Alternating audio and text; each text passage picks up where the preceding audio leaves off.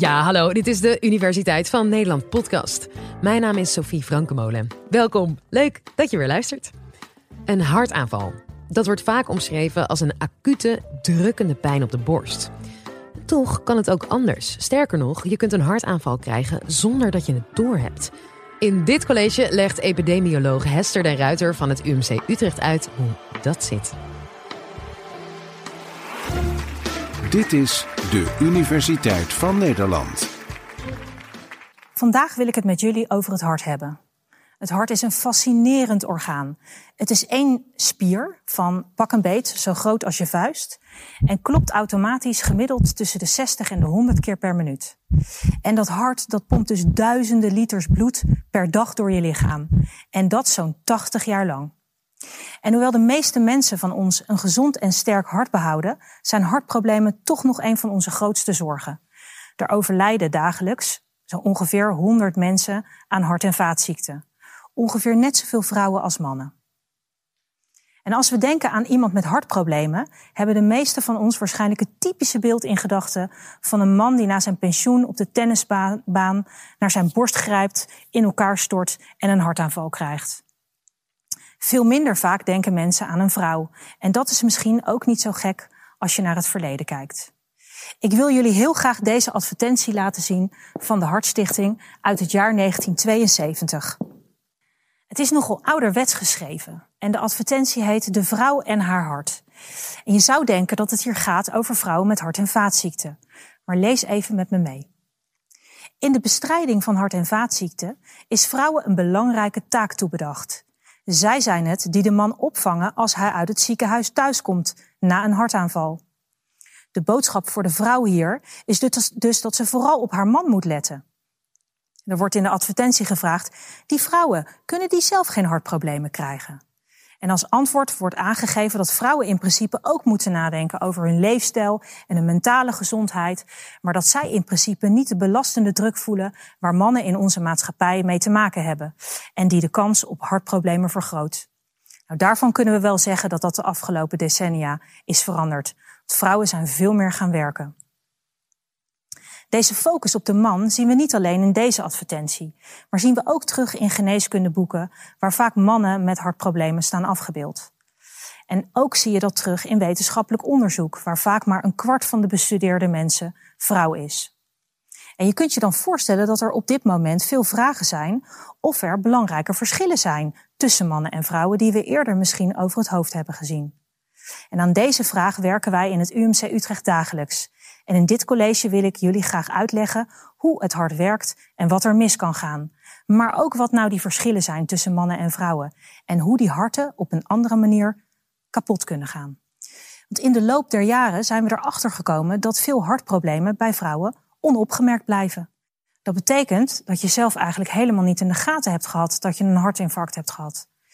En dat stille hartinfarct kun je achteraf herkennen op een hartfilmpje. Die schade is namelijk nog heel lang te zien. Ook kunnen vrouwen andere klachten hebben dan mannen. Klachten die misschien niet direct doen denken aan een hartinfarct. En dat maakt de herkenning lastig. Denk bijvoorbeeld aan een onrustig gevoel, gejaagdheid of vermoeidheid. Maar hoe kan het dat deze klachten zich bij vrouwen anders kunnen uiten? Je kunt je afvragen of de infarcten bij vrouwen misschien wel ook echt minder heftig zijn. Of als je er als vrouw langer mee rond kunt blijven lopen zonder dat je het zelf in de gaten hebt. Interessant om te kijken of er ook biologische verschillen zijn die dit kunnen verklaren. En daarvoor moeten we kijken naar de werking van het hart. Zoals ik in het begin al zei, is het hart de motor van je lichaam. En door het rondpompen van bloed voorziet het je hele lichaam en al je spieren, organen en cellen van zuurstof en voedingsstoffen.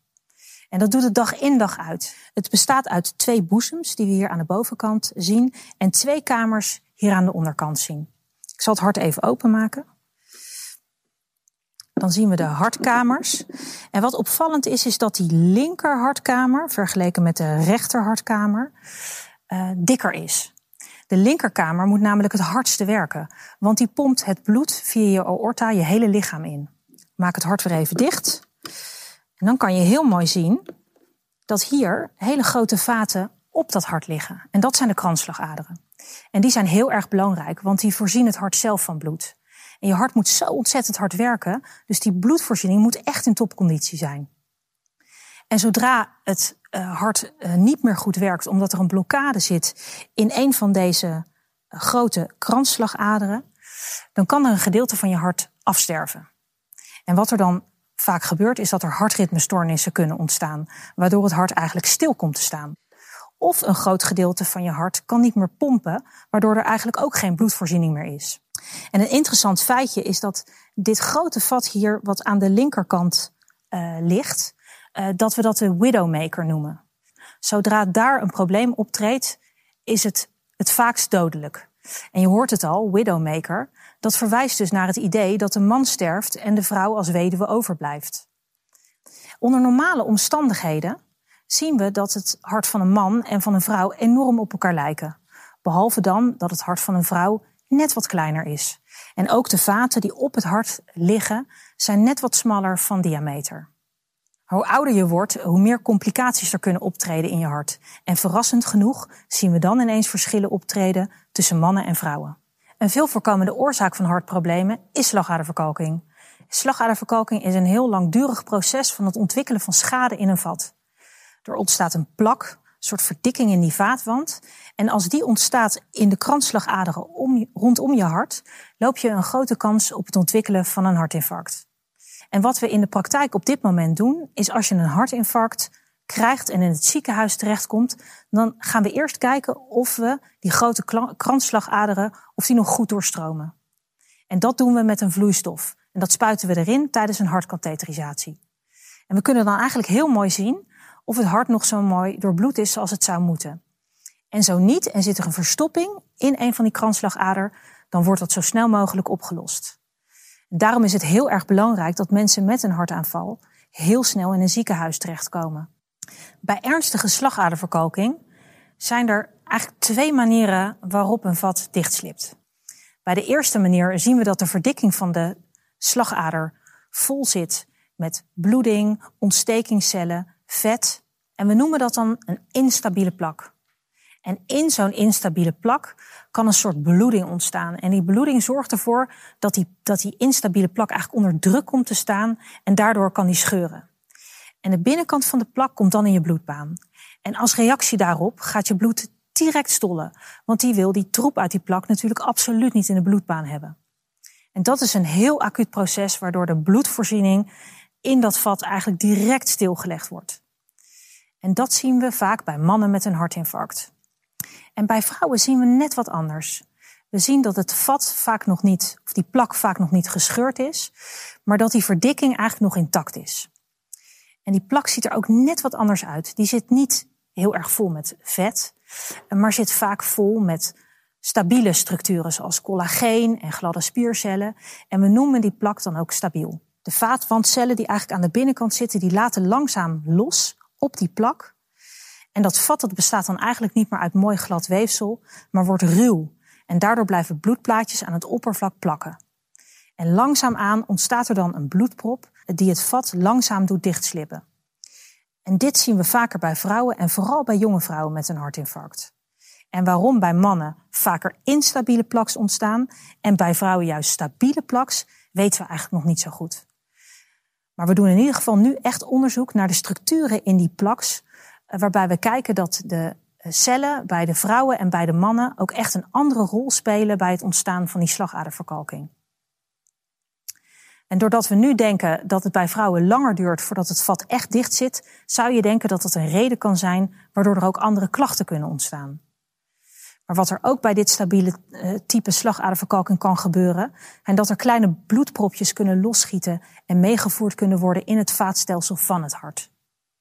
En die kunnen vervolgens vastkomen te zitten in de kleinere vaten van het hart.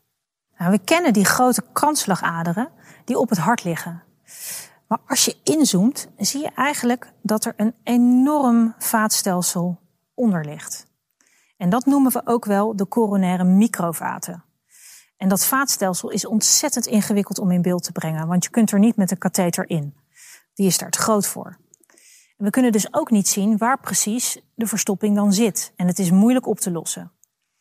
En dat is ook de reden waarom tijdens de standaard hartkatheterisatie het in eerste instantie niet opvalt.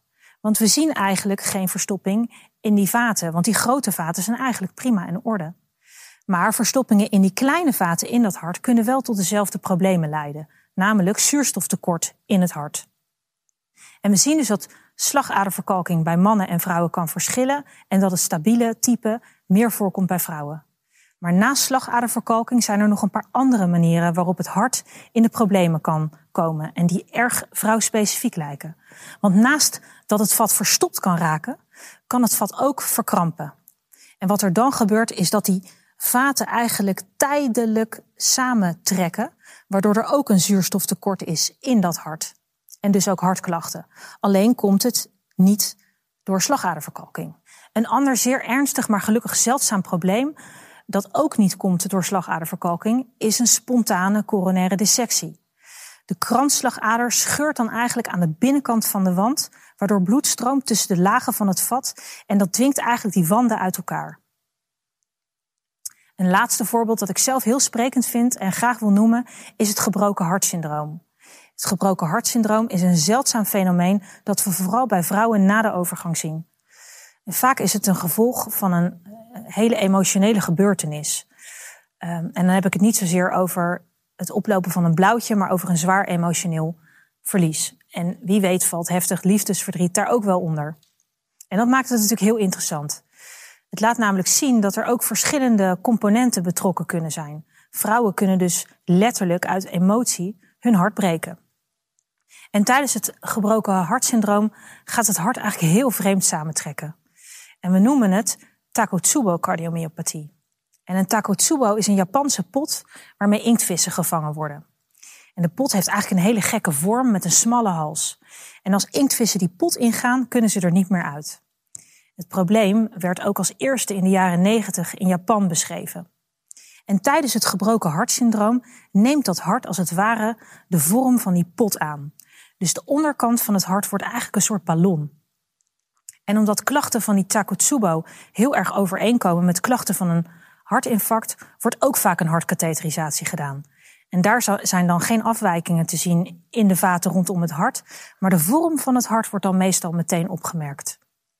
Het is gelukkig heel erg zeldzaam, maar het illustreert goed dat er verschillen zijn tussen mannen en vrouwen, want in slechts 10% van de gevallen gaat het om een man. We begonnen dit college met de vraag: hoe kan je ongemerkt een hartaanval krijgen. En ik hoop dat jullie in dit college geleerd hebben dat een hartaanval niet zo simpel is om te herkennen, omdat er ook veel verschillende onderliggende oorzaken kunnen zijn. Maar we zien wel duidelijk vrouwspecifieke problemen die andere symptomen en klachten met zich mee kunnen brengen. En waarom die verschillen er zijn, blijft de meest fascinerende vraag waar ik me dag in dag uit mee bezig hou. Ik begon dit college met een advertentie over dat de vrouw zou moeten zorgen voor de man. Maar alsjeblieft mannen, let ook een beetje op je vrouw, zodat ze niet ongemerkt gebukt gaat onder een verstopt hartprobleem. Dat was Hester den Ruiter. Ik hoop dat je het een boeiend college vond. En ken jij nou ook een wetenschapper die je graag hier eens een keer zou horen? Een docent, een collega of een andere wetenschapper on the loose? Tip ons dan. Stuur een mail naar podcast.universiteitvannederland.nl. Tot de volgende!